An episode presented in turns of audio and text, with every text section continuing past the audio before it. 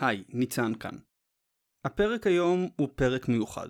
מדובר בשיתוף פעולה שני שלי עם חגי אלקיים שלם, המנחה של הספינר. פודקאסט מעולה שעושה, בדומה למשחק הגדול, ניתוח של האינטרסים של הפוליטיקה הישראלית הפנימית. אם עדיין לא יצא לכם להאזין, אם עדיין לא יצא לכם להכיר, מאוד ממליץ לעקוב אחרי חגי. דיברנו בפרק הזה על שתי סוגיות גיאופוליטיות בינלאומיות גדולות שמככבות בחצי שנה האחרונה במדינת ישראל, ודיברנו גם על הספינים שמסביבם.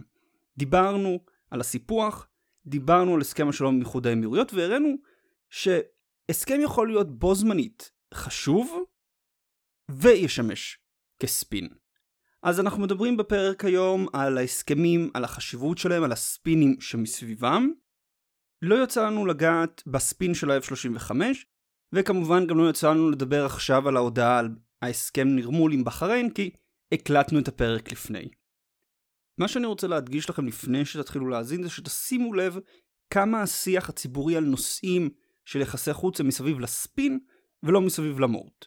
אתם מכירים את הבעיה הזאת, אתם מכירים את השטחיות של הניתוח הבינלאומי.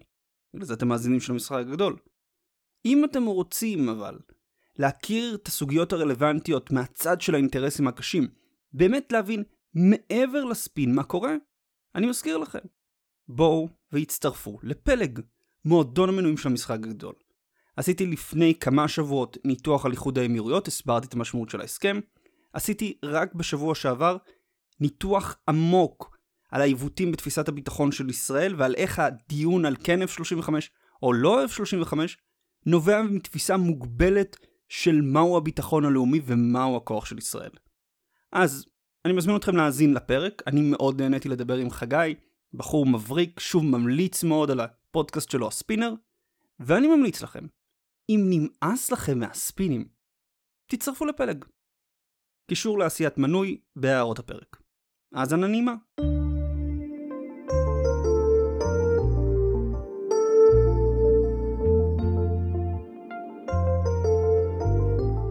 שלום וברוכים הבאים לספין עולמי 2. נקמת האמירויות. אני חגי אלקיים שלם, מנחה הפודקאסט הספינר. ואני ניצן דוד פוקס, מנחה הפודקאסט המשחק הגדול. והיום החלטנו לקחת שני נושאים שהיו בכותרות בחצי השנה האחרונה.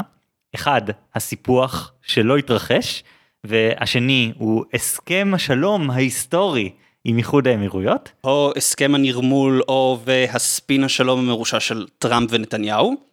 ובעצם לנסות להפריד בין מה באמת היה שם, במה אפשר אשכרה להתגאות או להתרשם, ומה היה עטיפה נוצצת שיש לה פחות קשר למציאות. כן, מה ההבדל בין טפל לעיקר. אגב, אני רוצה לפתוח, חגי, ולספר גם לך וגם למאזינים, איך אני לפחות הבנתי שאני, שחייבים לעשות על זה פרק. ביום שבו הייתה את ההכרזה, בדיוק בזמן שהייתה את ההכרזה, אני הייתי בנהיגה. עכשיו, כמובן כנהג זהיר, אני לא מסתכל בטלפון בזמן שאני נוהג. אני מגיע לחנייה, ואז אני רואה שמתייג אותי מישהו באחת מקבוצות השיחה של הספינר בוואטסאפ, ואני פותח, ופתאום אני קולט שני דברים. קודם כל, שהכרזנו על הסכם עם האמירויות. דבר שני, אני קולט את כמות הספינים המטורפת שרצה בתוך שעה על הדבר הזה, ואני כזה, חייבים לעשות את זה פרק. זה, זה כאילו טראמפ שמע את הפרק הקודם והיה בכזה, We're gonna give them a better episode, a beautiful episode, it's gonna be the greatest subject ever. כן זה מדהים כי גם יש איזה עניין שהתקשורת הישראלית היא פשוט לא נכנסת לכלום לכלום לכלום לכלום בדברים האלה. פשוט כן יש עכשיו תוכנית המאה יש עכשיו הסכם שלום. הם אין באמת אתגור אם יש אתגור זה אתגור מצד הפרשנים הפוליטיים שאומרים מדובר בספין אבל אף אחד לא מסביר מה קרה מה יש בתוכנית גם בתוכנית המאה. מה זה זה טוב זה רע אף אחד לא נכנס לפרטים הקטנים. בתוכנית המאה אפשר להגיד גם שזה קשור להיעדרם של פרטים קטנים, אה, אבל נגיע לזה. אבל אני חושב שיש פה איזה עניין שנורא קל לנו ללכת לקצוות, להגיד זה ספין, ואם זה ספין, לא קרה כלום במציאות. זה חסר משמעות. או מהצד השני, קרה פה משהו במציאות, ואם קרה פה משהו במציאות, אין פה ספין. כלומר, הבעיה שלנו, וזו בעיה תפיסתית שאנחנו רוצים לגעת בה היום, ואנחנו רוצים להציג את שני הדברים, זה שדבר יכול להיות בו זמנית חשוב, משמעותי, בעל תוכן, וגם להיות ספין. כלומר, אם נחזור להגדרה שחגי משתמש בה לספין, הרי שהספין הוא ניסיון לבצע אה, הנדסת תודעה במטרה מסוימת, כן? אני מנסה להנדס את התודעה של אדם כדי להשיג איזושהי מטרה. עכשיו, אני יכול להנדס את התודעה של אדם על שקר מוחלט, ואני יכול להנדס את התודעה של אדם על משהו חיובי ומשמעותי. בשני המקרים יש לנו ספין, פשוט פעם אחת הספין הוא על דבר שאין לו שום ערך, ופעם אחת זה ספין על דבר שהוא בעל ערך. אני אוהב לומר שהספינים הכי טובים הם ספינים שיש בהם איזשהו שביל אל האמת. כלומר יש אמת ואז מסביבה אנחנו בונים הר או, או גבעה לפחות. אנחנו או לפחות הרחבה של הקיבוץ או משהו. אנחנו טיפה משפצרים אותם, טיפה מנקים את האבק, שמים קצת צבע. בדיוק, אבל, אבל יש שם איזושהי אמת מתחת כן. לזה. כי אחרת זה ספין פחות טוב, זה לא שאין כאלה, אני חושב שבשנים האחרונות אנחנו רואים יותר ויותר ספינים שבאמת באמת אין בהם כלום. כלומר שבאמת הם מבוססים על המצאה מוחלטת, זה קיים, אבל אני חושב שלהגיד פה שלגמרי לא קרה כלום, זאת עצימת עיניים. ומצד שני, לבוא ולקבל את הכותרות ולהגיד, אה, ah, זה מה שקרה, זאת עצימת עיניים לצד השני. כן. אז אנחנו רוצים היום לקחת את שני הנושאים גם של הסיפוח, וגם של נרמול היחסים או הסכם השלום עם היחסים. אגב, שימו לב שכבר פה יש לנו את הספין, איך אנחנו מגדירים את זה.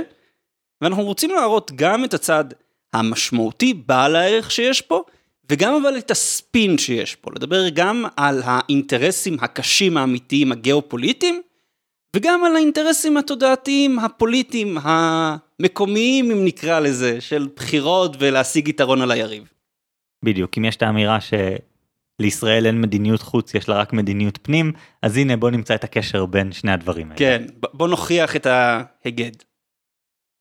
אוקיי, אז בוא נתחיל מהסיפוח. ואני רוצה להתחיל מהסוף. אנחנו מבחינה מסוימת אנחנו אחרי זה כבר?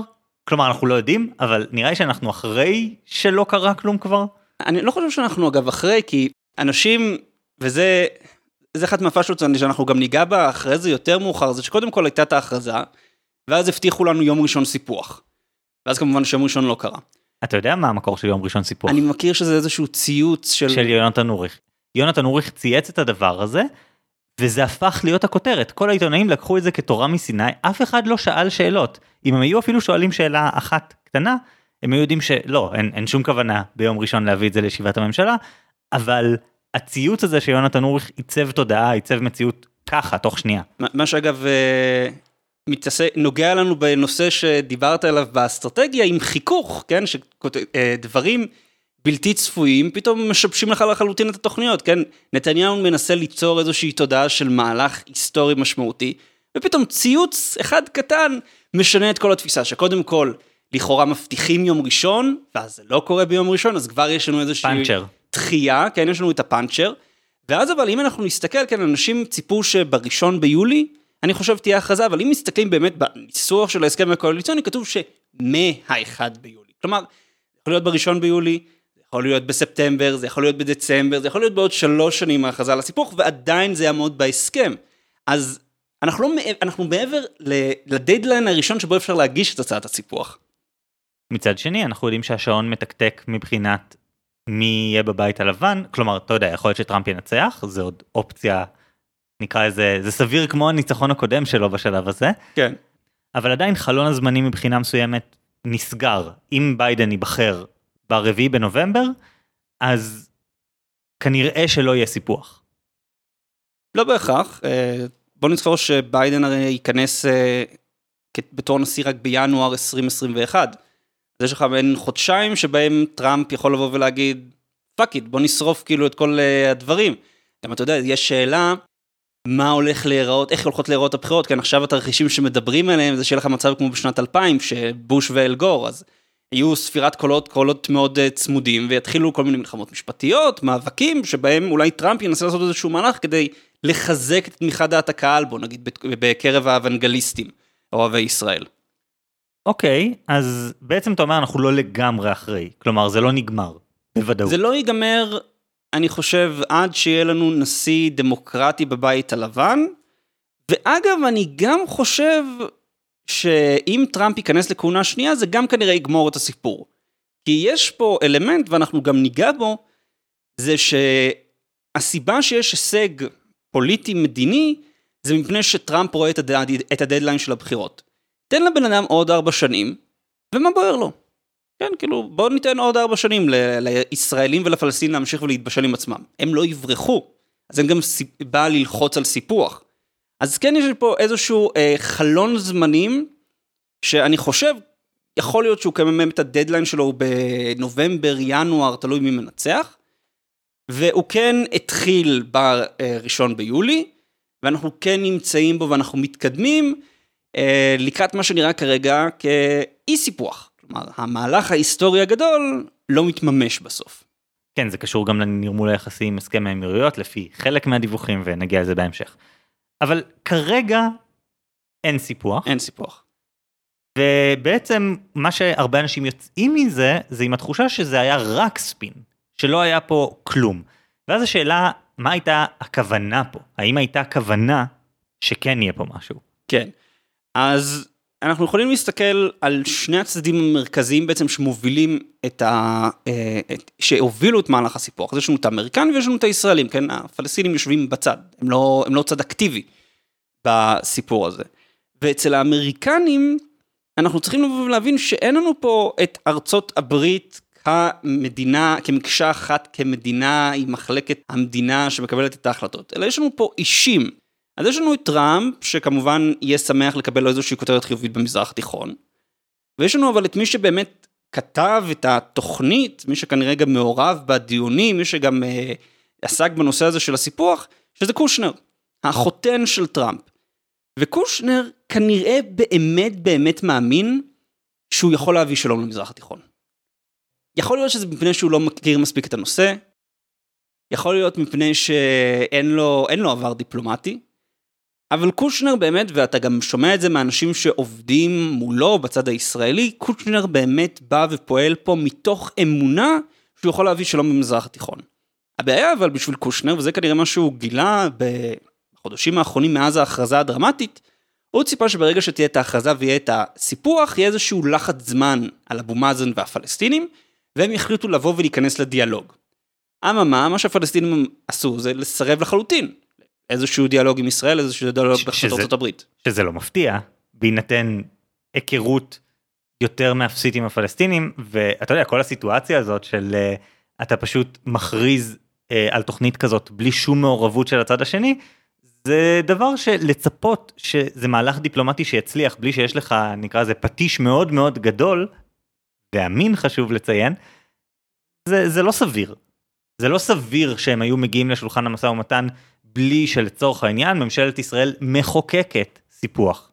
אם זה היה מגיע לדיון בממשלה או להצבעה בכנסת אולי היה פה איזה תזוזה אבל גם אז יש פה אלמנט של אה, כבוד יש פה אלמנט של אה, עלבון ואני חושב שהסיכוי שהפלסטינים היו נשברים מהדבר הזה ומסכימים לקבל את הדמי מדינה חצי מדינה הזאת שהוצעה שם לא סביר. נכון אז קושנר בעצם בא עם איזשהו קונספט של איך הוא הולך להביא שלום במזרח התיכון ואז הוא גילה שהפלסטינים לא מוכנים לשחק את המשחק. ואז, מה שאנחנו רואים מתוך התבטאויות סותרות של הממשל, התבטאויות של קושנר עצמו, שהוא העביר את זה, זה שבעצם האישור לסיפוח לא ניתן, נעשו איזה שהם תוכניות, אבל האמריקאים הלכו אחורה. ונתניהו, בלי אישור של האמריקנים, בלי אור ירוק מהבית הלבן, לא התקדם לסיפוח. מה שאגב מביא אותנו לנושא של אה, הנרמול עם איחוד האמירויות שעוד ניגע בו, למה בדיוק אה, האמירויות החליטו לנרמל את היחסים איתנו דווקא עכשיו. אז יש לנו בעצם מבחינת, אם אנחנו שואלים האם יש משמעות, האם המהלך הזה לא היה רק ספין טהור, כנראה שמבחינת האמריקנים הוא לא היה ספין טהור. כלומר קושנר כנראה באמת חשב שהוא הולך איזוש, להתחיל איזשהו מהלך דיפלומטי משמעותי, ללחוץ את הפלסטינים, להביא את אבו מאזן ונתניהו לדבר, peace in the middle east, yada yada yada, והוא פשוט גילה שהמציאות לא עובדת לפי התוכניות שלו. זה פשוט שהאמריקאים פה הם לא האמריקאים, הם לא צד אחד, הם לא גוש אמיתי, זה, זה קושנר ואולי איזשהו צוות מסביבו, ומבחינת טראמפ, מכל מה שאני יודע, זה דיל, זאת עסקה. כלומר מבחינתו הוא, הוא רק רצה את הסימון וי על עשינו משהו. הגענו להכרזה, יש לנו הישג לשם ההישג. בדיוק. ואנחנו עוד אה, ניגע בזה, כלומר זה לא המקום היחיד, המזרח התיכון הוא לא המקום היחיד שבו טראמפ מבקש הישג לשם ההישג. ושוב, פה באמת, אם אנחנו מדברים מבחינת טראמפ, אז כן, יש פה ספין אה, טהור, שכל המטרה שלו זה להשיג הישג בשביל האוונגלי, בשביל להשיג הישג בשביל הימין אוהב אה, ארצות הברית. אה, אוהב ישראל, סליחה. השאלה השנייה זה, האם מבחינת הישראלים יש פה ספין או לא? ואני חושב, חגי, שאם אנחנו לוקחים את הניתוח שלך על נתניהו והחשיבות שהוא רואה במורשת היסטורית, אז לכאורה אפשר לבוא ולהגיד שיכול להיות שיש פה באמת מהלך בעל משמעות. כלומר, נתניהו לא בא רק בשביל לעשות פה ספין. נכון, אני חושב שאיך שנתניהו מסתכל על זה, זה שבכל מקרה הייתה לו פה איזושהי מטרה, הוא ניסה להשיג איזשהו משהו אמיתי. השאלה היא רק האם הסיפוח עצמו, כלומר, או לפחות תוכנית טראמפ, היא עצמה העניין, היא עצמה הישג, או שהיא אבן דרך, בדרך להישג. היא, היא משהו שמאפשר להשיג הישג יותר משמעותי בהמשך, משהו שאפשר לסחור בו תמורת איזשהו הישג אחר. אבל השאלה, אני, ואני חוזר פה לניתוח, אה, באיזה פרק של הספינר זה היה שדיברת על המורשת ההיסטורית של נתניהו? היו כמה לדעתי, I... 47 טעויות או משהו אולי כזה. אולי 47 טעויות. זה, זה ניתוח מעניין, כלומר, נתניהו כבן של היסטוריון מודע למשקל של החלטות היסטוריות. אז השאלה, האם כשנתניהו ניצב בפני הזדמנות, לכתוב את המורשת שלו על ידי סיפוח של חבל ארץ, כן, בקעת הירדן, זה, זה כמו לספח את רמת הגולן, זה, זה לרשום את עצמו בקורות הימים. האם זה יעד שעמד מול עיניו? כלומר, האם זה יעד שהוא לוקח, או מה שאתה בעצם בא ואתה אומר, גם כשהוא בא והוא מעוניין במהלך הזה, מבחינתו בסופו של דבר המהלך הזה, הוא מהלך אופורטוניסטי, כלומר אנחנו מנסים רגע לייצר איזשהו שינוי בזירה הבינלאומית, ומה שייצא ייצא. אני באמת לא יודע, כלומר, אני חושב שזה עניין שא' אי אפשר לשפוט אותו עכשיו, בהינתן שאומנם שנינו מרגישים, נקרא לזה, שזה לא יקרה, אבל אין לדעת, ואין לדעת מה הולך לקרות עם זה בטווח הארוך, יש דברים שנראים קטנים בזמן אמת והופכים להיות גדולים. אבל אני חושב שלהגיד שהוא עשה את זה רק מתוך המטרה הפוליטית, אני פחות מאמין בזה. אני מאמין שהייתה לו איזושהי אמונה במשהו. עכשיו, יכול להיות שיש פה משהו שהוא הישג סמלי, כי ברמה הסמלית כן קרה פה איזשהו משהו. עכשיו, הרמה הסמלית, אתה יודע, היא לא אי אפשר ללכת עם זה לסופר, כן? אה, אבל ברמה הסמלית יש פה איזושהי אמירה, עברנו ממצב שבו אה, הזמן לכאורה משחק לטובת הפלסטינים, כלומר הפלסטינים הם אלה שמחכים שישראל תישבר ותבוא לשולחן המשא ומתן כי, אני יודע מה, דמוגרפיה, וואטאבר. זה השתנה למצב שבעצם ישראל מקבלת, ואם הפלסטינים רוצים משהו, הם אלה שצריכים להיכנע. כן. זה, זה היה גם השיח באותה תקופה, השיח נקרא לזה בימין הלא אה, מתנחלי. כלומר כן. היה איזשהו אגף בתוך הימין שהימין הריאליסטי הייתי קורא לזה שאומר לא קרה פה משהו מהותי אנחנו גם לא באמת מאמינים שיהיה סיפוח. כן. לא אנחנו לא באמת מאמינים שייתנו להם שטחים למדינה. גם זה, לא. זה היה הטיעון זה היה הנרטיב כלומר הנרטיב היה אה, אני חושב שחגי סגל הוא הראשון שקידם את הטיעון הזה כלומר אה, עמית סגל סליחה שבעצם הפלסטינים יקבלו מדינה כאשר הם יהפכו להיות שוודים. ואז כלומר ימין בא ואומר אה, אנחנו מספחים שטח ואין שום סיכוי שהפלסטינים אי פעם יהיו שוודים ולכן אף פעם לא תהיה מדינה פלסטינית. לא אבל זה, זה כבר בימין המתנחלי באיזשהו מקום שעוד רגע נדבר על okay. אוקיי. הסיבוב פרסה המרשים שלו. נדבר על הספינים, כן. נדבר על הספינים. אבל מבחינת אה, גם הימין היותר מתון נקרא לזה הימין הריאליסטי הייתה פה איזושהי אמירה שבאיזשהו מקום כל מה שקרה פה זה שינוי סמלי של הדינמיקה. כן. שגם בלי סיפוח בפועל, ארצות הברית מאותתת, וישראל כמובן בשמחה מצטרפת לאיתות הזה, שעכשיו הכדור בידיים שלכם. תוותרו, תהיה התקדמות. לא תוותרו, יש לנו את המנוף הזה עכשיו, שתמיד ימשיך להיות מעל הראש, אלא אם כן ייכנס איזה ביידן ויגיד אגב כל מה שקודמיי הסכימו לו הוא בטל כן, ומבוטל. האמת היא זה אחת הבעיות המשמעותיות וזה בעצם כאשר אנחנו שואלים מה ההישגים כלומר שהשגנו בכל זאת לפני שאנחנו רגע נכנסים לכל הספינים המכוערים שהיו מסביב לסיפוח. אז כששואלים מה אנחנו משיגים בתור הישג אז אחת האמירות זה שאנחנו בעצם משנים פה את הדינמיקה של השיח השלום מזה שישראל צריכה לוותר בשביל לקבל שלום לזה שהפלסטינים צריכים לוותר בשביל לקבל שלום. עכשיו, זה מאוד נחמד, רק שני דברים. קודם כל, הפלסטינים לא קיבלו את הטיעון הזה. כלומר, הפלסטינים מבחינתם לא מקבלים כלום, אנחנו יושבים ממתינים עד שתתקפלו, וימות העולם. ודבר שני, גם הקהילה הבינלאומית ברובה לא קיבלה את השינוי הזה בניסוח. כלומר, בריטניה וגרמניה וצרפת באו ואמרו, חבר'ה, אנחנו עדיין תומכים בפתרון של שתי מדינות לשני עמים, וכאילו זה המסגרת אה, יחסים, אנחנו לא תומכים לא בסיפוח חד צדדי, לא באיזה שהם שינויים. כלומר, ההישג הזה של שינוי השיח, לא ברור עד כמה הוא יחזיק אחרי טראמפ. אני מרגיש שבאיזשהו מקום הדבר הזה הוא קצת כמו לתת למישהו אופציות על מניות. אופציות עם תאריך תפוגה. אתה יכול לקנות כל עוד זה בתקופה הזאת. ולצורך העניין, ברגע שטראמפ לא יהיה בבית הלבן, אם לא ישתנה משהו במציאות בשטח, אז זה באמת יהיה חסר משמעות. כלומר, אם אנחנו מגיעים לינואר, ושום דבר לא קרה עם הסיפוח, כלום, לא א', סיפוח, ולא מהצד השני, שימוש בסיפוח כמטבע כדי להשיג משהו יותר מועיל לישראל, אז זה אשכרה כלום מוחלט. זה היה חסר משמעות, כי ברגע שנשיא אחר יושב בבית הלבן, או אפילו טראמפ יושב בבית הלבן והחליט שזה כבר לא מעניין אותו, ו- ולא יהיה יותר את האור הירוק הזה מארצות הברית, אז זה נגמר, לא קרה כלום. היו הכרזות, והן uh, מתפוגגות לאוויר. כן. אבל, וזה מה שאנחנו נגיע אליו עוד קצת אה, עם אה, ההסכם עם האמירויות, זה שכן הסיפוח הפך לאיזשהו מנוף לחץ של ישראל, שהוא אגב, הוא מנוף לחץ מעניין שאני חושב שהוא יכול לשמש גם מול מדינות אחרות, תלוי, תלוי איך אנחנו משחקים עם זה, שבעצם עכשיו ישראל הפכה להיות המשוגע, וצריך להחזיק אותה. כלומר, אתה צריך לתת לי משהו כדי שאני לא אספח. כלומר, האיום נהיה אמין, ואז זה נותן לכל הפחות למדינות, זה נותן למדינות ערביות לכל הפחות איזושהי עילה לעשות את הנורמליזציה. כלומר, אנחנו נסתכל עוד מעט בספינים מסביב להסכם הנורמליזציה עם איחוד האמירויות, שהספין בתוך העולם הערבי, הספין של האיחוד, זה שהן עושות את ההסכם כדי למנוע סיפוח. כן, לא בשביל שלום במזרח התיכון. כן, אז נגיע לזה עוד רגע, בוא, בוא נעבור לעולם הספינים. אה, מסביב לדבר הזה, עכשיו שפירקנו קצת מה באמת לא קרה פה. קודם כל דיברנו כבר על מי, מי מרוויחים מהספין הזה, שחוץ מנתניהו שכמובן הרווח שלו בבחירות, אפשר להתווכח על האם הוא באמת קרה, כי יש הרבה אנשים שאומרים ש, שלא היה, אני אומר שלא הייתה תנודה אמיתית מההכרזות האלה. ההכרזות האלה לא באמת שינו את אה, דפוסי ההצבעה בסיבוב השלישי. אבל חוץ מנתניהו טראמפ באמת הרוויח פה ו- ולא סתם טראמפ עשה מסביב לזה את כל הפאסון ואת כל ההצגה של טקס בבית הלבן וכל הדברים האלה. על מה עשינו טקס? על על על כלום. וכולם הרוויחו מזה כל המעורבים.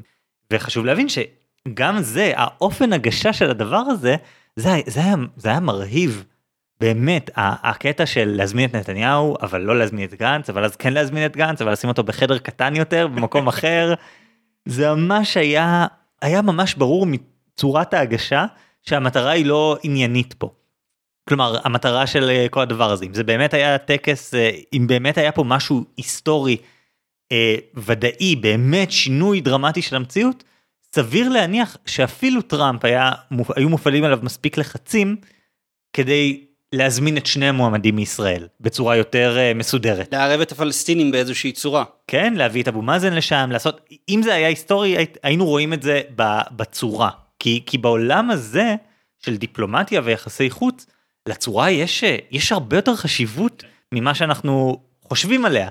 דיפלומטים שגרירים כל העולם הזה זה הצגה, אבל ההצגה היא קריטית. אם אתה מעליב דיפלומט, זה אשכרה העלבה למדינה שלמה. זה יכול להתחיל מלחמה. בדיוק. זה יכול להתחיל מלחמה. אגב, אוי, זה סתם אה, כאנקדוטה היסטורית, אה, הגורם למלחמת אה, פרוסיה צרפת, הגורם למלחמת גרמניה צרפת ב-1870, היה מאבק ירושה בספרד. ואחד מקרובי המשפחה של קיסר פרוסיה היה אחד המועמדים. אז השגריר הצרפתי שבפרוסיה פנה, פנה לקיסר, שיתחייב שאף פעם אחד מהמועמדים של המשפחה שלו לא ינסה להיבחר לכתר הספרדי. עכשיו, הקיסר לא נותן את ההתחייבות הזאת כי הוא לא יכול להתחייב עליה, אתה לא יכול להתחייב שאף פעם אחד מהיורשים שלך או מהבני משפחה והבני דודים שלך לא ייכנס, ונתן לשגריר ללכת. ואז כמובן הקיסר כותב את זה לקאנצלר שלו, לביסמרק, וביסמרק אומר, או, oh, יש פה הזדמנות. ביסמרק פשוט שינה טיפה את הניסוח, ככה שזה נשמע כאילו הקיסר לא באמת נפגש עם השגריר, אז הוא היה סנוב על השגריר, הוא בעצם התעלם ממנו, ומצד שני זה נשמע כאילו השגריר העליב את הקיסר הגרמני. כאשר המברק הזה התפרסם בצרפת, הוא הביא את הפרלמנט להכריז מלחמה על גרמניה בשם הכבוד הלאומי. וככה נוצרה גרמניה המאוחדת. וואו, מדהים.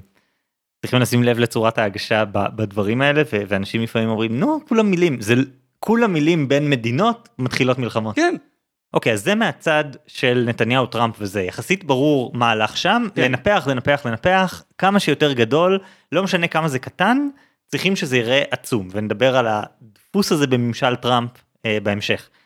אה, אבל אני רוצה להסתכל על איך דיברו על זה בימין ובשמאל בישראל, ו- וזה היה מרתק. כלומר, השמאל באמת הייתה תגובה שהיא סכיזופרניה מוחלטת, אין לי שום דרך אחרת אה, לבטא את זה. מצד אחד, הסיפוח מסוכן, זה איום גדול, זה דבר ממש לא סביר, אסור לעשות את זה, כל מיני דברים כאלה, אבל הרבה פעמים מאותם הגופים, אמירה עם, עם מפות, ממש צי, פרסומים של מפות, אה, תראו, התוכנית טראמפ זה אוסלו, זה בדיוק אוסלו, איזה יופי שבאיחור של 25 שנה נתניהו אימץ את אוסלו. ואני מבין את שני הספינים האלה, שניהם רלוונטיים, ספין הסיפוח הוא מסוכן, הוא ספין בעל ערך, ישראלים מפחדים מהאיום של סיפוח בגדול. לגיוס קהל, כאילו גם להידוק השורות בתוך המחנה. בדיוק, הוא עובד, ברמה בסיסית הוא עובד, כי הישראלים כעם, אנחנו פשוט לא אוהבים שמשנים לנו את המציאות. גם הימנים, גם השמאלנים, חוץ מממש בקצוות, אנשים מעדיפים שיהיה אותו דבר. כאילו בואו בוא לא ננער את, ה, את הספינה הזאת uh, בג'ונגל יותר מדי. אבל אז להכניס לתוך הדבר הזה, או מדובר פה בעצם בהסכם שלום אמיתי, זה סכיזופרניה, זה להגיד שני דברים הפוכים לחלוטין, ולהתעלם לחלוטין מהסתירה הזאת. ואני לא, לא מבין. ואני חושב שהיו כל כך הרבה דברים יותר יעילים שהם היו יכולים לעשות. למשל הם היו יכולים לקחת את הדבר הזה, אני חושב אגב על בני גנץ, בני גנץ היה יכול לקחת את הדבר הזה ולהגיד, מעולה, תוכנית טראמפ היא הדבר שיביא אותנו להסכם שלום תוך שנתיים. זה גם משהו שבעצמי, נפגשתי עם אנשים שהיו בצד הזה של המפה באותה וואה. תקופה, וזאת הייתה ההמלצה שלי. ההמלצה הייתה, לכו עם זה עד הסוף לכיוון להחזיר את שיח השלום למדינת ישראל. למה? כי תחשוב על זה, אם אתה ראש ממשלה שמאלני, אתה רוצה הסכם שתי מדינות, לא אכפת לך בכלל מסיפוח. אבל אתה יכול לעשות משהו שעובד ככה. אתה מעביר הצעת חוק שאומרת שהסיפוח מתחיל בראשון לינואר 2022, 2023. אלא אם כן יהיה הסכם בינלאומי עם הפלסטינים שיקים מדינה. ואז אתה קוצב זמן, אתה מייצר לחץ זמן, שבו אתה ממש ממנף את הדבר הזה בתור איום, אבל רק בתור איום. אין לך שום כוונה באמת לספח, אין לך שום כוונה להגיע למדינה הפלסטינית הלא אפשרית שכתובה בתוכנית של טראמפ, אלא, אתה יודע, לתוכנית מתווה קלינטון לצורך העניין. אבל לא היה אפילו ניסיון לעשות משהו כזה. עכשיו, אתה יודע, אפשר להתווכח על הפרטים, אני לא כן. מבין גדול אה, ב- במפות השלום השונות. אבל לא לנצל את זה לכיוון הזה, זה פשוט שמישהו ימסור לך כדור, הכדור אמנם נועד לנתניהו, אבל הוא עובר בקרבתך, ולא לנסות לתפוס אותו. הבנתי, כלומר לא לנסות ולתפוס את המומנטום הזה כדי להחזיר את שיח השלום. בדיוק, כי, כי טראמפ בתוכנית שלו הוא מדבר על שלום. עכשיו עזוב שהשלום שהוא מציע הוא לא ריאלי, לא אפשרי, וכולם יודעים את זה. כולם יודעים שהשלום הזה הוא, הוא שלום עם קריצה נקרא לזה. נתניהו אומר בטח בטח זה יביא הסכם שלום היסטורי, בפועל מה שהוא רוצה זה כנראה אולי זה מה שחשבנו אז, סיפוח, נעשה את הסיפוח והשאר לא יקרה. אבל אתה בתור מי שאמור להגיב לדבר הזה משמאל, אתה אמור לקחת את הדבר הזה ולהגיד, הנה, יש פה הזדמנות היסטורית שאתה אשכרה יכול לממש. ולא היה שום ניסיון, היה ניסיון להתנגד, אבל גם לא להתנגד, וגם להגיד שזה טוב, וגם להגיד שזה רע, אפס מסרים מאוחדים, וזה פספוס עצום מצידם. אני, זה, זה ממש אה, חוסר הצלחה לנצל את את המומנטום הזה. כן. מצד שני אבל גם בתוך מחנה הימין בעצם לא הייתה לך תגובה אחידה בנוגע למה מה ההסכם כלומר מצד אחד אתה בא, אנחנו באים ואומרים נתניהו רוצה לספח ואז לא לעשות את כל השאר אבל אז בא הימין למתנחלים ובא ואומר בזה שאתה קובע בזה שאתה מספח אתה קובע עובדות בשטח וככה אתה הולך לחנוק את ההתיישבות ואז בעצם גם הסיפוח אם, אם השמאל סירב לראות בשלום שלום, הרי שהימין סירב לראות בסיפוח סיפוח. אני חושב שהמהלך של הימין הוא, הוא קצת יותר רציונלי, הוא קצת יותר הגיוני ויש לו ערך. כי בוא, בוא נתחיל, בוא נפרק את זה לכמה שלבים. שלב ראשון זה השלב של אה, חגיגות והתרגשות. החגיגות וההתרגשות היו מוקדמות בטירוף.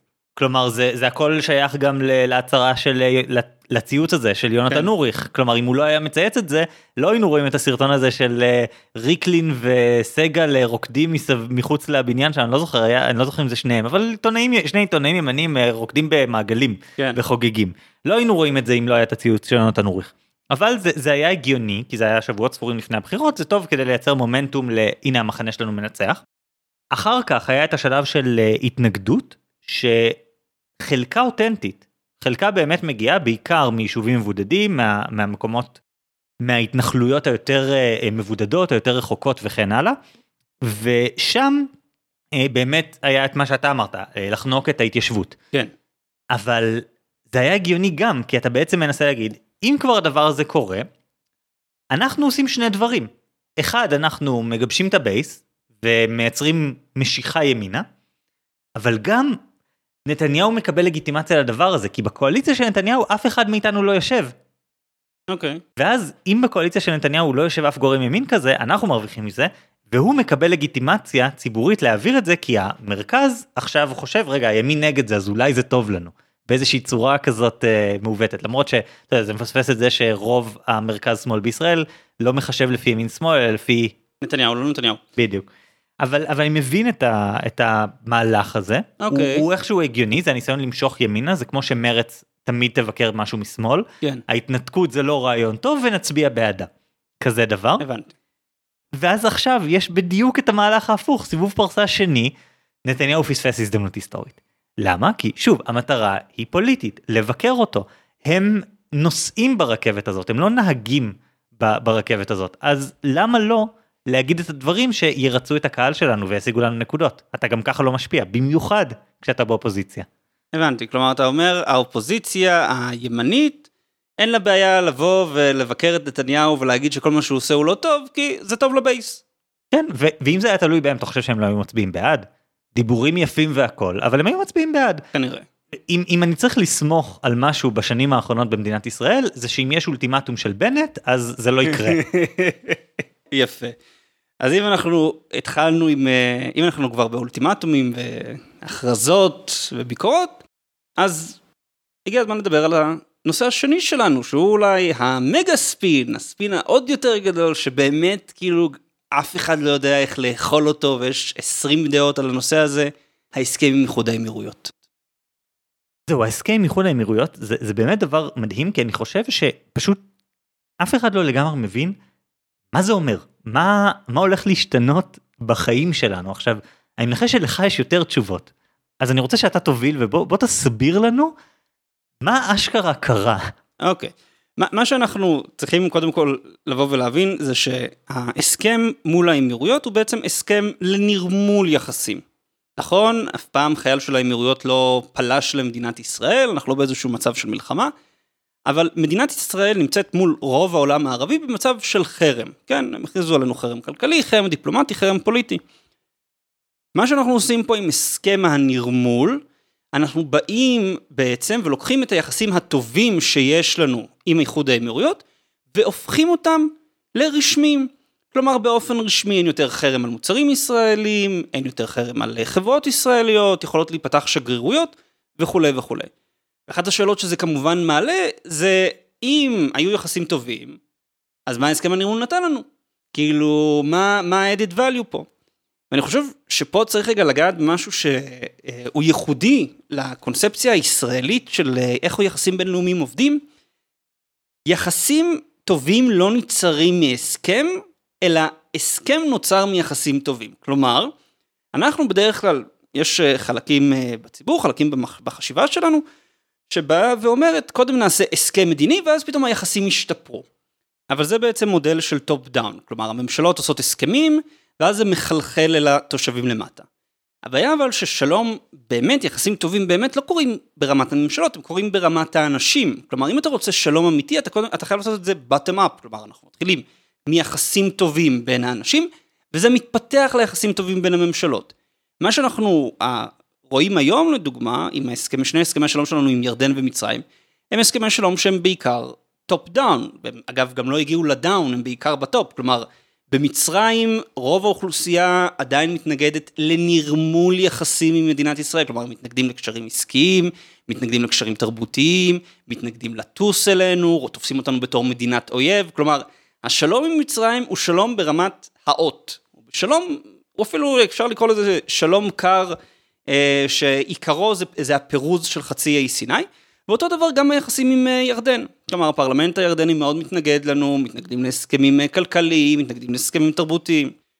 ולכן, המציאות מראה לנו שאנחנו צריכים לעבור מהקונספציה שלנו של אה, הסכמים יוצרים מציאות, לתפיסה שהיא זאת שרווחת בכל העולם, שמציאות יוצרת הסכמים. כלומר, לא, בונים על היחסים הטובים בין המדינות ובין האנשים כדי להפוך אותם לרשמיים. תראה אפשר להגיד שירדן באיזשהו מקום זה אפילו קצת כזה באיזושהי רמה כי היו יחסים טובים מתחת לשולחן. אבל עם הממשלה. עם, עם בית המלוכה. עם בית המלוכה. כן אפילו לא אפילו לא הממשלה נכון. באיזשהו מקום. אה, אפילו לא החלק היעני דמוקרטי כן. אה, שיש שם. אה, אבל היו איזה שהם יחסים משנות ה-70 וה-50 אפילו ש... שהיו, אתה יודע, התראה של המוקדמת על יום כיפור שהייתה, שהירדנים היו מעורבים בה. כל מיני דברים כאלה. מה שהיה בעצם עם הסכם השלום ב-94 באיזשהו מקום זה היה הנה בוא ניקח את היחסים היחסית קיימים וננצל אותם כדי אה, לשדרג ולנרמל ולהפוך את זה כן. לרשמי כפרס באיזשהו מקום על הסכם אוסלו. כלומר זה חלק מאותו מאותה תנועה. כן, נכון. אז מה בעצם נרמול נותן לנו, כן? מה נותן לי בזה שיש לי יחסים טובים לא רשמיים שהופכים עכשיו לרשמיים? קודם כל זה אומר שיש לנו תיירות, יש לנו תיירות מהאמירויות לפה ומפה לאמירויות, למי שלא מכיר, דובאי הייתה היעד הרביעי הכי פופולרי לתיירים ב-2019, אז מקום ששווה לטוס אליו ומקום שאנחנו נשמע לקבל ממנו תיירים. לא בקיץ. לא בקיץ. האמת היא יש שם אחלה מיזוג, זה, זה ייאמר לזכותם. דבר שני, עסקים ישראלים יוכלו להשתתף בתחרויות, משקיעים משתי המדינות יוכלו להגיע זה לזה, השגרירויות עצמן, לכל שגרירות של ישראל יש משימה של משרד הכלכלה והמסחר שהמטרה שלה הוא לעזור לעסקים ישראלים. עכשיו, כולם אומרים, אבל אה, חברות ישראליות כבר עשו עסקים. נכון, אבל זה כל מיני פרוטקציות, זה כל מיני קשרים, הרי אני או חגי, לא, לא היינו יכולים להגיע לאיחוד האמירויות, להשתתף באיזושהי, לא יודע, תערוכת פודקאסטים ולהגיד, היי, זה מה שאנחנו עושים, זה מה שאנחנו מוצאים, בואו נעבוד ביחד. אנחנו כאזרחים פרטיים לא יכולנו לעשות. עכשיו, כל משקיע קטן, כל יזם קטן שיש לו איזשהו רעיון לסטארט-אפ, יכול גם לחפש פה מימון, יכול לחפש בארצות הברית, או יכול לטוס לדובאי ואבו דאבי ולחפש משקיעים. הוא יכול לעשות את זה בלי שום פרוטקציות, בלי שום קשרים ועם תמיכה של המדינה. ודבר שלישי, וזה משהו שהוא אה, ברמה האסטרטגית, זה שאנחנו יוצאים פה מהקונספציה שאנחנו צריכים לפתור את הבעיה הפלסטינית כדי לנרמל את היחסים עם המרחב הערבי, לתפיסה שנרמול יחסים עם המרחב הערבי הוא חלק מתהליך הפתרון לבעיה הפלסטינית. כלומר, במקום לתת לפלסטינים להיות אלו שמכריעים את הקשרים שלנו עם המרחב הערבי, ובעצם מונעים מאיתנו ומהמרחב הזה שיתופי פעולה בתחום המסחר, הטכנולוגיה, החינוך, הביטחון, כן, תחומים שהמרחב הזה באמת צריך אותם, אם זה בטכנולוגיות מים ללבנון וסוריה, אם זה בטכנולוגיות של טיפול בשפכים למצרים. אז במקום לתת לפלסטינים להיות אלו שקובעים את הקצב, אנחנו עכשיו באים ועושים איגוף, אנחנו משנים את המשוואה. אנחנו ננרמל את היחסים עם המרחב הערבי, הם יראו כי טוב, ואז גם הפלסטינים יבינו שכדאי להם להיות חלק מהמגמה הזאתי, במקום להמשיך ולהיות הלא לואים התמידיים. עכשיו השאלה היא זה באיזשהו מקום הערך של הסכם כזה ובטח אם יהיה פה אפקט דומינו כמו שנתניהו אה, מאוד מנסה לשכנע שהולך להיות אנחנו אין לדעת.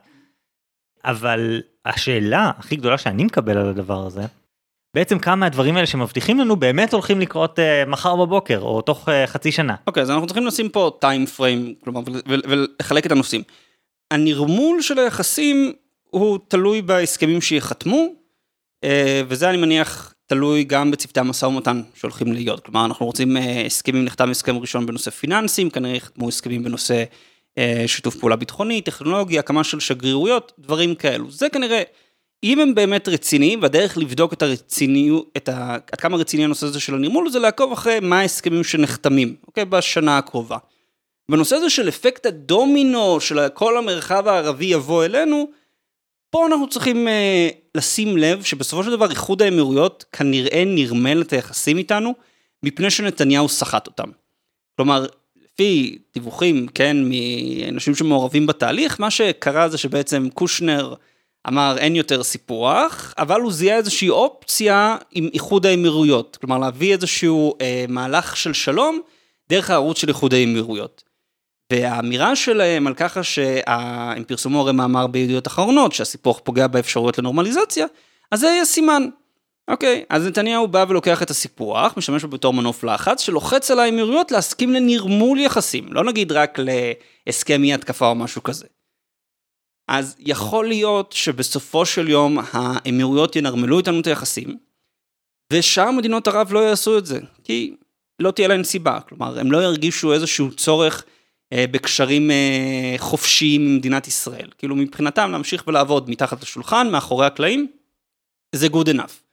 ולכן צריך לקחת את הנושא של הדומינו בעירבון מוגבל, אבל לא להזניח גם המשמעות והערך שיש לנו בקשרים אפילו רק עם איחוד האמירויות. זו מדינה מאוד משגשגת, עם המון המון כסף שמחפשת חדשנות כמו החדשנות הישראלית.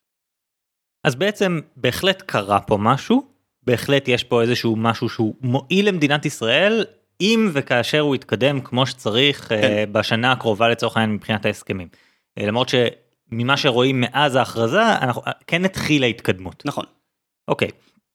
אבל מצד שני, להגיד שלום במזרח התיכון זה אולי קצת יותר מדי? כן, זו הכרזה מוקדמת מדי, אבל uh, זו הכרזה מוקדמת שהיא פנטסטית לספין. כלומר בעצם זה שקורה פה משהו שלא קרה בעבר, זה פורה לספין, זה בדיוק האמת הקטנה, או הבינונית לצורך העניין, שמסביבה אפשר לבנות הרים על גבי הרים על גבי הרים, ונתניהו באמת עשה פה עבודה יפה של לספר פה סיפור מאוד גדול. והסיפור זה הסיסמה שאם יש מאזין של אחד משני הפודקאסטים שלנו שלא הופצץ בפרסום בפייסבוק של שלום תמורת שלום, אז זה כנראה מאזין בלי פייסבוק, זה נראה לי ההסבר היחיד. לא, פשוט חי במערה. לא יודע איך הוא מתאים את הטלפון כדי לשמוע אותנו, אבל אין ספק, אגב, זה לא היה רק, אה, אתה יודע, זה בפייסבוק וזה באינסטגרם וזה בטוויטר וזה כאילו, זה בכל מקום, ההכרזה הזאת של שבירת הנוסחה משטחים תמורת שלום לשלום תמורת שלום. שזה ספין פנטסטי בשביל נתניהו, כלומר, אתה גם בא ואתה לוקח את עצמך בתור דמות שעושה שלום, שזה גם גורם לחוסר נוחות בתוך מחנה השמאל. בכל זאת נתניהו פתאום עושה משהו שהוא חיובי, שלום. וזה גם מנגח את הקונספציה הזאת של שטחים תמורת שלום, שזה בערך הקונספציה הבסיסית של שיח השלום בישראל מאז הסכמי השלום עם מצרים. כלומר, אתה עושה איזשהו שיפט משמעותי בכל הדרך שבה אתה מדבר על שלום עם uh, מדינות ערב. אבל מצד שני, נגיד את זה ככה, גם אם היינו רוצים לעשות הסכם שטחים תמורת שלום עם איחוד האמירויות, זה לא היה הסכם עם איחוד האמירויות, אין, אין, הם, הם לא רוצים איתנו שטחים. כן. אז יש פה איזה, איזה הטעיה קלה. טוב, בוא גם נדבר על זה שהאמירה הזאת היא שלום תמורת שלום לוקחת נרמול יחסים והופכת אותו לשלום. כלומר, כל, ה, כל הדיבור על שלום, שלום, שלום, יש לו מטרה ספינולוגית ברורה, כן, מה שאמרנו בהתחלה, כלומר, אתה לא בא ומגדיר את זה בתור נרמול יחסים, כי נרמול יחסים זה לא סקסי, אין לזה שום משמעות פוליטית, אלא אתה קורא לזה שלום.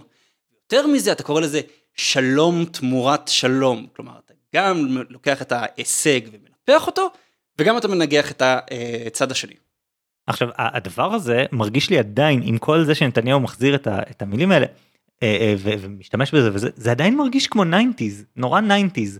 כי יש איזה עניין בפוליטיקה שאומרים לך שאם אתה חזק, קח טריטוריה מהיריב. אה, אם אתה טוב בביטחון, ואתה לא מעורער בביטחון, לפעמים שווה לך עכשיו להראות שאתה גם טוב ממנו בכלכלה. לנסות לעשות את המהלך הזה. כי אם תעשה את המהלך הזה אתה בעצם ממצב את מעמדך ו- ואתה בלתי מובס. עכשיו לבוא היום בשנת 2020 ולנסות לקחת מהשמאל את השלום זה, זה כמו לנסות לק... זה לקחת משהו שאין. הש... השמאל כבר לא משחק על הדבר הזה של שלום בשום צורה אבל נתניהו בכל זאת ניסה לעשות את הפלישה הזאת עכשיו ברור לי מה הוא עושה הוא באיזשהו מקום אה, נקרא לזה מנסה להעלות את ערך המניה שלו. וזה אמור uh, to feed back להיכנס חזרה אל תוך התדמית שלו כמר דיפלומטיה. שזאת התדמית העיקרית שנוצרה לו כי את מר הכלכלה הוא איבד, אה, מר ביטחון questionable, קיבוצים בנגב אה, לא יסכימו. אבל מר עזה. דיפלומטיה וכל מנהיגי העולם, כל מנהיגי העולם הרי זה, זה המשפט שלו כן, בארבע, חמש שנים. האחרונות. ו- ומהרגע שזה המשפט אז, אז הנה עכשיו אני יכול לקחת את זה ולקחת את זה צעד קדימה וזה יעבוד. מוסיף לתדמית. כן. מוסיף לתדמית אה, של, אה, שלי כדיפלומט ראשון במעלה את שלום תמורת שלום. וזה אגב מביא אותנו לספין השני של נתניהו, שהוא אגב ספין שרק במדינת ישראל הסיסמה הזאת יכולים להתלהב ממנה. שלום מתוך עוצמה. News Update. בכל העולם, שלום נעשה מתוך עוצמה. כלומר, הק- הקונספט הזה שאתה משתמש בכוח כדי להביא לשלום, בכל שאר העולם נקרא, כאילו, things as usual, כן? מדינות עושות שלום מתוך עוצמה, כי הן לא יכולות להשמיד אחת את השנייה, או מפני שיש להן אינטרס ברור בלעשות את השלום הזה. או בקיצור הרוצה בשלום ייכון למלחמה. ייכון למלחמה. כלומר, מתוך המאזן כוחות עולה השלום, כן? מתוך העובדה שהיריב מבין שהוא לא יכול להכריע אותי, או מצד שני הוא מבין שיש לו אינטרס יותר גדול בלעשות שלום איתי מאשר בלהילחם איתי, הוא עושה שלום. כלומר, כל העולם עושה שלום מתוך עוצמה. זה מה שקרה פה. כלומר נכון. עם המצרים המצרים פתחו במלחמת יום כיפור כדי להביא את ישראל לשולחן המשא ומתן להכריח אותה לרדת מהעץ שלה. בדיוק. העניין אבל זה שאצלנו בישראל, בגלל שהנושא הזה של שלום, בכלל התפיסה שלנו, של המדינה, היא מאוד תפיסה, הייתי קורא לה אפילו מוסרנית, כאילו אנחנו מאוד רוצים שאנחנו נהיה כזה תיקון עולם, ואנחנו נהיה הכי מוסריים והכי טובים, אז בשבילנו, לבוא ולדבר על שלום מתוך עוצמה, זה נשמע מאוד מרעיש, זה אפילו, יש בזה באיזשהו מקום, זה נשמע א-מוסרי, כן? זה מזכיר, אה, למי שטיפה מכיר, זה נשמע מאוד אה, ניטשיאני, כן? שלום מתוך עוצמה. כלומר, זה מרגיש איזושהי יציאה מתוך הקו המוסרני. אבל בסופו של דבר, הדבר הזה קודם כל הולך בקו אחד עם, עם, ה, עם התפיסת מדיניות חוץ של נתניהו, כן? שעד כמה שאנשים אולי יערערו על זה, לנתניהו יש תפיסה ברורה של מדיניות חוץ, הגישה שלו במדיניות חוץ היא ריאליסטית, כלומר הוא מאמין שהמדינות עובדות לפי אינטרסים ולפי מאזן כוח, ולכן אם אתה רוצה שיעבדו איתך וישתפו איתך פעולה, אתה חייב להיות חזק, אתה חייב להיות עוצמתי. והטיעון הזה של שלום מתוך עוצמה, קודם כל בונה על זה, ומפני שבשיח הישראלי הגישה הריאליסטית פחות מקבלת משקל, אז זה גם נשמע מאוד מהפכני, כן? שלום מתוך עוצמה. למרות שבכל מדינה אחרת בעולם זה היה כזה, אחי, that's how we do things here.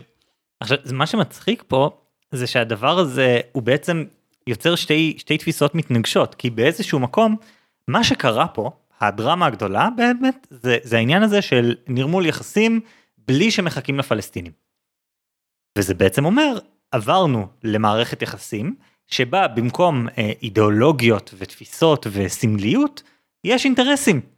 זה מה שקרה. אנחנו בעצם אה, חזרנו למצב שהוא פשוט המצב הנורמלי שבו היחסים בין מדינות הם פשוט אה זה טוב לי זה טוב לך אחלה כן. בלי זה אה, ערכים גדולים וזה- אז כאילו בו זמנית להגיד זה שלום זה זה נעלה זה אה, האידיאולוגיה הגדולה אבל גם בעצם זה בכלל לא אידיאולוגיה וזה רק עוצמה ולהגיד את זה באותו פוסטר זה מרהיב. כן. ממש מראים. אגב, גם אתה יודע, העניין הזה של עוצמה, כלומר, התפיסה הזאת של עוצמה כערך, אגב, זה גם משהו שאני חושב, הוא אולי חלק מהנרטיב של נתניהו, כלומר, של, של שנים כוח, הוא אומר את זה. של, שנים של הוא אומר את זה. אה, עוצמה כלכלית עוצמה ביטחונית עוצמה, עוצמה, עוצמה ביטחונית, עוצמה כלכלית, עוצמה טכנולוגית ועוצמה מדינית, או עוצמה מוסרית, תלוי איפה אתה תופס אותו מבחינת כן, הנאום. משולש העוצמה וזה כן. אה, אגב, זה, זה נושא מעניין, מי שמתעניין, אה, יש אה, פרק של המשחק הגדול, פרק ישן יחסית, על מדיניות החוץ של נתניהו, שבעצם בו מדבר, אני מדבר על הגישה הריאליסטית של נתניהו. אז שלא מתוך עוצמה, בעצם, זה חלק אה, מהתפיסה שלו, אה, וזה חלק מהשגרה היומיומית בעולם, פשוט פה זה גם יכול אשכרה להיתפס בתור ספין, כלומר להנדס את זה שהנה נתניהו לוקח אותנו לידי עוצמה וכולם מכירים בנו וערכנו. אבל שוב, הדבר הזה הוא בדיוק כמו מה, מהצד של טראמפ. טראמפ רוצה עסקה. למה הוא רוצה עסקה? כי, כי המותג של טראמפ הוא עסקאות. אז תביאו לי עסקה, כל עסקה שהיא, ואני אחתום. כי ברור שאני אחתום, כי זה טוב למותג. אז באותו מקום, נתניהו, כל הישג אה, מדיני שמקדם את, ה, את המותג של נתניהו הבינלאומי, הוא טוב. כן. וזה לא משנה התוכן באיזשהו מקום. נכון, נכון, נכון, נכון. ואם זה לא היה זה, זה היה משהו אחר. הוא היה נכון. מוצא את, ה, את התרופות שקיבלנו מוואטאבר, וזה היה הישג, זה, זה אותו דבר. ברור, ברור, זה כמו שהעובדה שהוא מדבר גם עם פוטין וגם עם uh, טראמפ, זה נחשב בתור uh, הישג uh, מדיני. כאילו שיש מדינה שלא יכולה לדבר עם שניהם. אפילו אוקראינה מדברת עם שניהם. אבל זה מביא אותנו עכשיו למה שנקרא לקונטרספין מתוך המחנה הימני, שזה הסיפוח בוטל בשביל השלום. אני חושב שהספין הזה החזיק ממש זמן קצר. אם אתה מסתכל לצורך העניין, שוב בטוויטר, אה, שזה ייצוג לדעת המשפיענים נקרא לזה כן. ב- בימין אה, ובשמאל, ו- וזהו, ואין שם אנשים רגילים, כי למה, מה יש להם לחפש שם? אה, אבל באיזשהו מקום היה שם איזה קטע שמצד אחד, בתחיל, אני ממש זוכר את זה, תחילת סוף השבוע, כל ריקלין, מגל, סגל, כל אלה, אוי לא, ויתרנו על הסיפוח תמורת מילים ריקות, ואז תוך שלושה ימים, כל הכבוד לנתניהו. כן, ועשו את הטוויסט הזה, כלומר, אני, אני הייתי רק בשלב של, אוי, הסיפוח בוטל בשביל שלום, וההצגה הזו של אה, נתניהו כמי שמוכר את הסיפוח, שמעולם לא רצי, כלומר, שאותו מחנה מעולם לא רצה, אה, בשביל איזשהו הסכם ריק. זהו, אז צריך להבדיל פה בין שני סוגי ימין. כי כשאני מסתכל על אה, ריקלין מגל, אלה, זה לא ימין רגיל, זה ימין ביביסטי. כאילו זה ימין שהעיקר שלו זה לא האידיאולוגיה, אלא האיש. ואז מהבחינה הזאת לא יכולה להיות התנגשות כזאת. ולכן, תגובה ראשונית של שוק, שהפכה בסוף ל... הכל כרגיל, אני עדיין סומך על האיש. אה, ברובה. אה, אני לא אומר שזה נגמר, אבל זה, כן. זה. מה שהיה באותו סוף שבוע. ומצד שני אתה מסתכל ואתה רואה ש, שבנט ממש יורד על נתניהו ועכשיו הוא תוקף אותו על הסיפוח שהוא לא רצה לפני חודשיים. נכון. כלומר עכשיו שוויתרנו על מה שחשבתי שהוא לא מספיק, אז עכשיו אני נגד. אבל זה כי הוא באופוזיציה, אז מה הוא יעשה? יתקוף. בדיוק. כלומר, הוא כל הזמן ייתן קונטרה. אז זה מבחינת הצד הישראלי של הספינים, ויש לנו אבל גם, וזה מעניין, כלומר, הסיפוח גם משחק בספין בעולם הערבי. כלומר, כשאיחוד האמירויות באים וצריכים להסביר לקהל שלהם, אז לבוא ולהגיד, עשינו שלום עם, הפלס... עם, הישראלים והתעלמנו מהפלסטינים, זה לא נשמע טוב. כלומר, הנרטיב הזה של התנגדות לכיבוש, של עזרה לאחינו הפלסטינים, הוא עדיין מחזיק ברחוב, גם אם רק ברמה הרשמית. ולכן מה שאנחנו רואים זה שמבחינת איחוד האמירויות, הם באים ואומרים, עשינו נרמול יחסים בשביל למנוע את הסיפוח. כלומר, המטרה פה היא למנוע את הסיפוח, ואנחנו עושים רק איזשהו תהליך של נרמול, כן, אנחנו מסתכלים עכשיו על הציטוט של אה, בן זאיד, אה, המנהיג דה פקטו של איחוד האמירויות, אז הוא בא והוא אומר בציוץ הרשמי שלו, כלומר, הגענו בשיחה עם אה, הנשיא טראמפ ועם ראש הממשלה נתניהו, הגענו להסכמה לעצור סיפוח ישראלי נוסף של שטחים פלסטינים. בנוסף, כלומר, שימו לב עכשיו, יש לנו את הבנוסף, איחוד האמירויות וישראל הסכימו על שיתוף פעולה והכנת מפת דרכים בשביל הקמה של יחסים בילטרליים. כלומר, זה, זה, זה, זה הציוץ הכי פרווה שיכול להיות למהלך הזה. וזה כמובן יצר המון פקפוק במהלך הזה. כלומר כל השאלות ששאלתי אותך על רגע קרה פה משהו קורה האם אנחנו מתקדמים נובע בדיוק מהציוץ הזה ומדברים דומים מסביבו שאתה שואל את עצמך מה באמת האם באמת קרה משהו כבר או לא כי כי המילים אל מול הציוץ הזה המילים היפות של טראמפ ונתניהו הרגישו חלולות הם הרגישו לא אמיתיות כי באיזשהו מקום אולי זה לא באמת נורמליזציה אולי זה נשלח קונסול אחד כאילו שיהיה באיזה דירה בתל אביב וזהו כאילו אבל אבל אי אפשר uh, לבקש ויזות אנחנו לא ידענו. והנמהרות של התקשורת להכתיר את הדבר הזה כשינוי לפני שראינו אשכרה משהו ופרטים וכן הלאה זה הזרע של הפקפוק ו- ומאוד ברור לי למה יש כן. שם המון פקפוק לאור דברים כאלה. מצד שני צריך לזכור שיש עניין של ספין פנים ערבי נכון. שאתה לא יכול פשוט ללכת לדבר הזה ככה אתה צריך להגיד שזה היה הכרחי שזה היה כל מיני דברים כאלה. להצלת הפלסטינים. כלומר, אתה לא שוכח את הפלסטינים, אתה בא ואתה מציל אותם מסיפוח ישראלי נוסף. בדיוק. והשאלה היא האם זה באמת קרה. כלומר, האם באמת ישראל ויתרה על הסיפוח, דחתה את הסיפוח? דחתה. כמו שאנחנו מכירים פה באזור, כשאתה דוחה משהו, אתה מבטל אותו. במקרה, לאור מה שאמרנו קודם, על טראמפ והלוח זמנים הקצוב, כן. זה דחייה לגמרי יכולה להיות פשוט ביטול לחלוטין. נכון, ביטול אה, דה פקטו, אם לא באופן רשמי. ואם אנחנו כבר מזכירים את טראמפ, אני חושב שצריך טיפה רגע לבוא ולדבר על הבן אדם.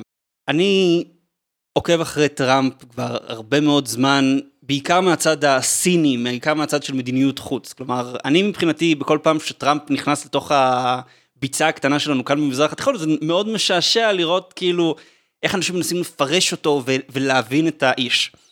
מה שצריך להבין בנוגע לטראמפ, זה שטראמפ הוא יזם נדל"ן. יזם נדל"ן ניו יורקי, שממה שמספרים לי, זה הזן הכי אגרסיבי שיש. הוא בן אדם שהמת... שכל המהות שלו זה להשיג עסקאות. We want to make a deal. ולכן טראמפ יכול יום אחד לקרוא לקים ג'ון און רוקטמן, כן, ולקרוא לו גמד אה, קטן עם פצצה אטומית, ויום אחרי זה לקרוא לו החבר הנפלא שלי, הסחבק שלי שאנחנו כותבים אחד לשני מכתבי אהבה ונפגשים.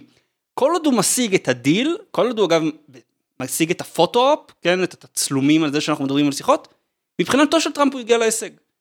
כלומר, כשבאים ומנסים להבין מה התוכנית ה grand plan של טראמפ וכל המהלכים האלו, כנראה שה grand plan זה להביא כמה photo-ops טובים ואולי להכריז על זה, מה שהוא עשה פה עם uh, ההסכם עם האמירויות, בתור הסכם שלום היסטורי. תזכיר לי מה מצב ההסכם ההיסטורי עם צפון קוריאה? השיחות uh, היו בערך, אני מבין שתי פגישות, ובין פגישה לפגישה, הצפון קוריאנים גילו שהאמריקאים לא נותנים להם אינץ'. כלומר זה זה מאוד משעשע כלומר טראמפ בא ומדבר על זה שאנחנו נעשה יחסים חדשים ואנחנו נעשה הסכמים חדשים וכו' וכו' וכו' ואז הצפון קוריאנים באים ואומרים אוקיי כאילו מה אנחנו מקבלים תורידו את הסנקציות בואו בוא נתחיל לדבר ואז האמריקאים כזה פרקו את כל הנשק הגרעיני שלכם מה שצפון קוריאה אף פעם לא תעשה ואז נתחיל לדבר. אז אז לא קרה כלום. לא קרה כלום. בעצם לא לא קרה כלום חוץ מפירוק של איזשהו אתר טילים שגם ככה לא השתמשו בו. אבל כשאתה מסתכל על מה היה אז באותה תקופה אני זוכר ממש אנשים ברחוב ברמה הזאת אני לא צוחק אומרים תראו איזה נשיא גדול.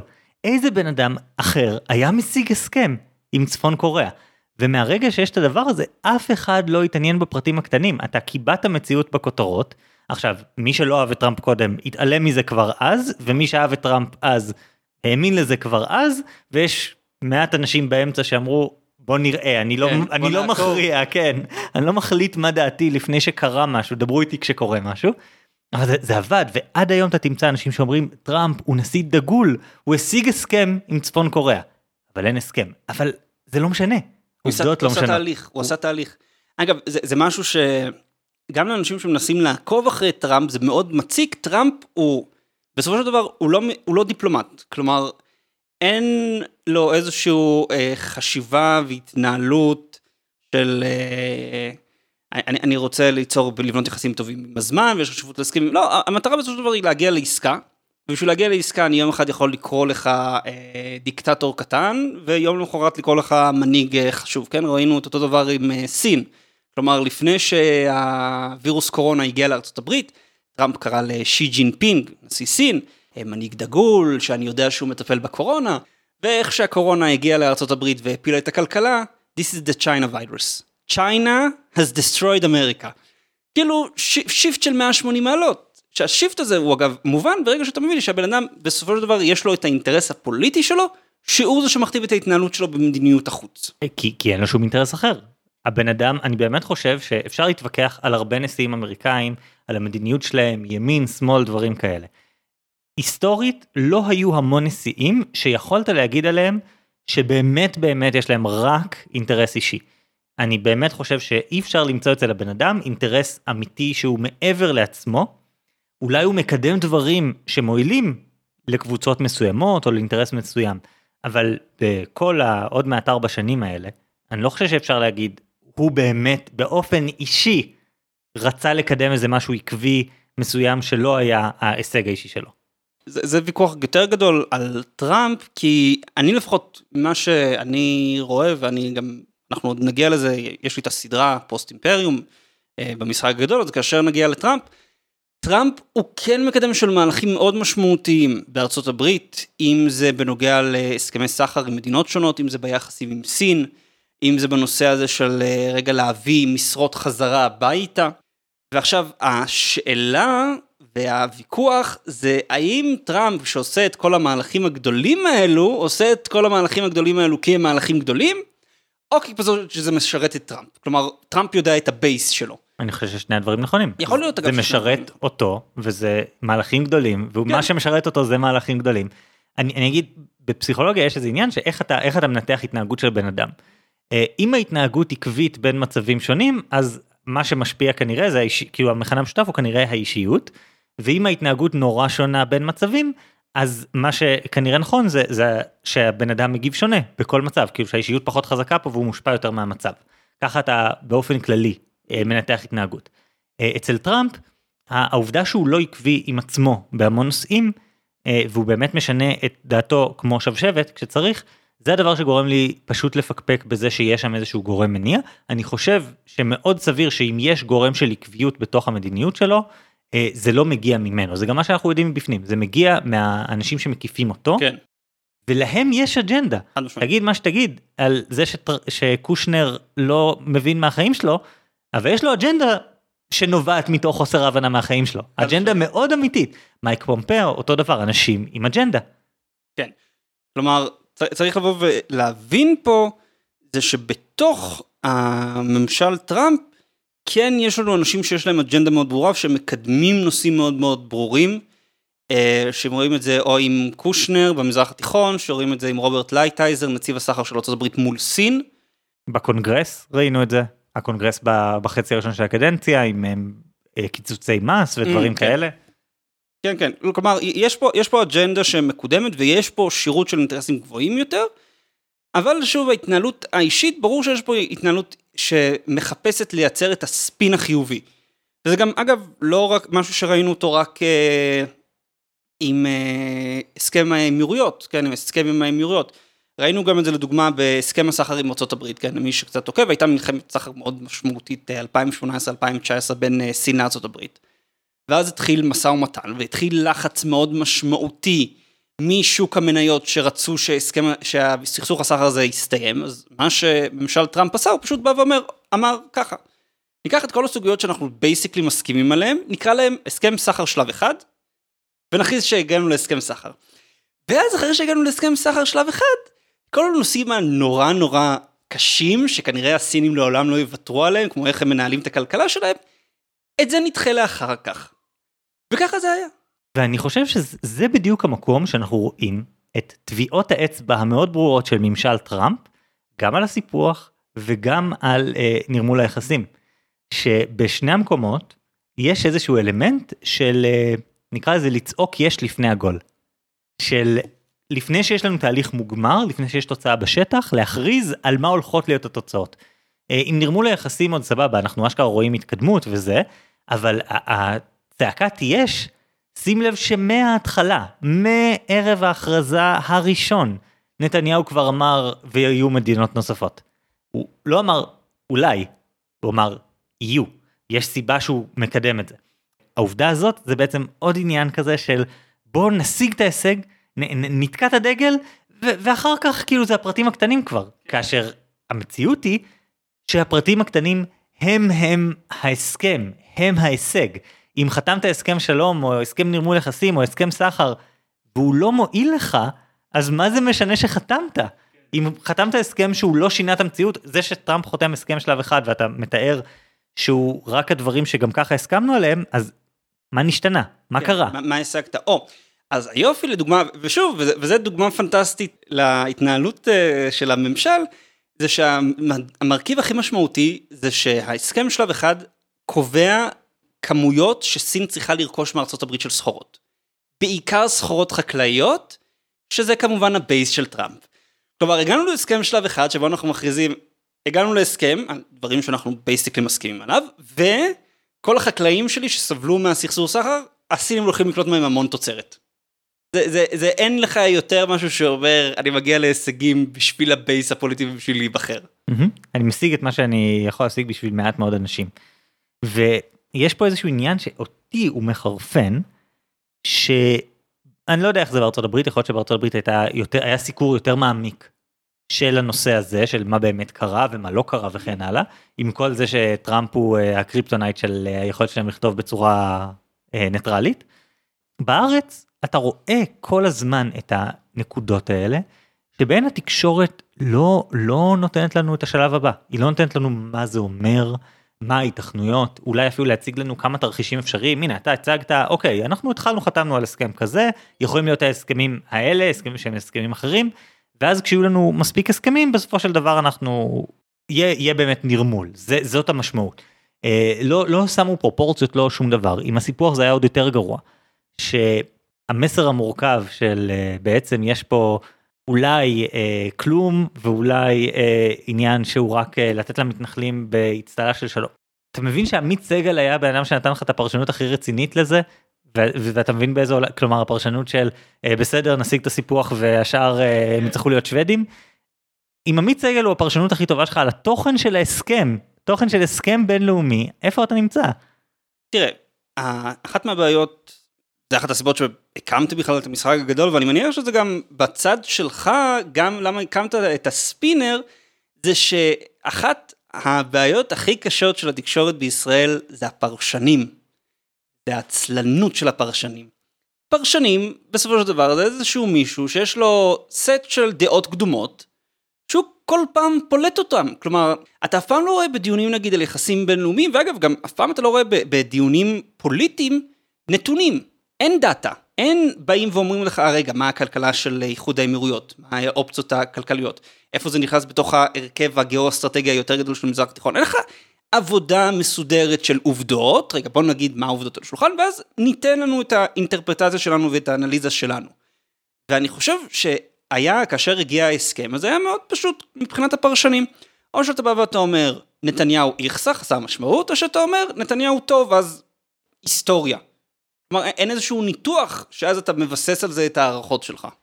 וזה מגיע למקומות מאוד רדודים של הבנה של יחסים בינלאומיים ושל אסטרטגיות וכאלה לצורך העניין משהו שלך יוצא לומר אה, לא מעט שאובמה וטראמפ במדיניות חוץ לא כאלה שונים אבל אסור להגיד את זה בתקשורת כי אם תגיד את זה בתקשורת אז איך איך תדע מי טוב ומי רע כלומר אם אתה שמאלני אתה צריך להבין שאובמה טוב וטראמפ רע אם אתה ימני אתה צריך להבין שאובמה רע וטראמפ טוב אבל אם הם עושים את אותם הדברים יחסית אז מה עשינו פה.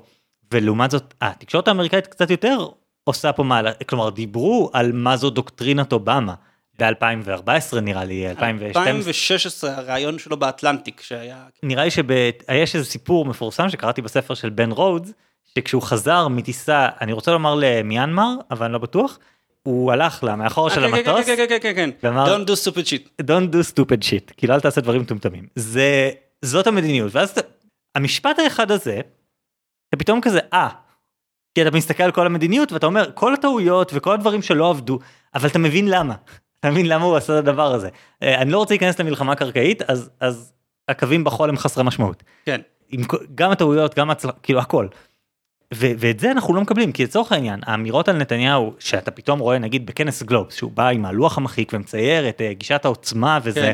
מה שאתה סקרת בפרק שלך. למה אני צריך לחכות לפרק שלך תשע שנים? עשר שנים? משהו כזה עד ש... אה, עד ש...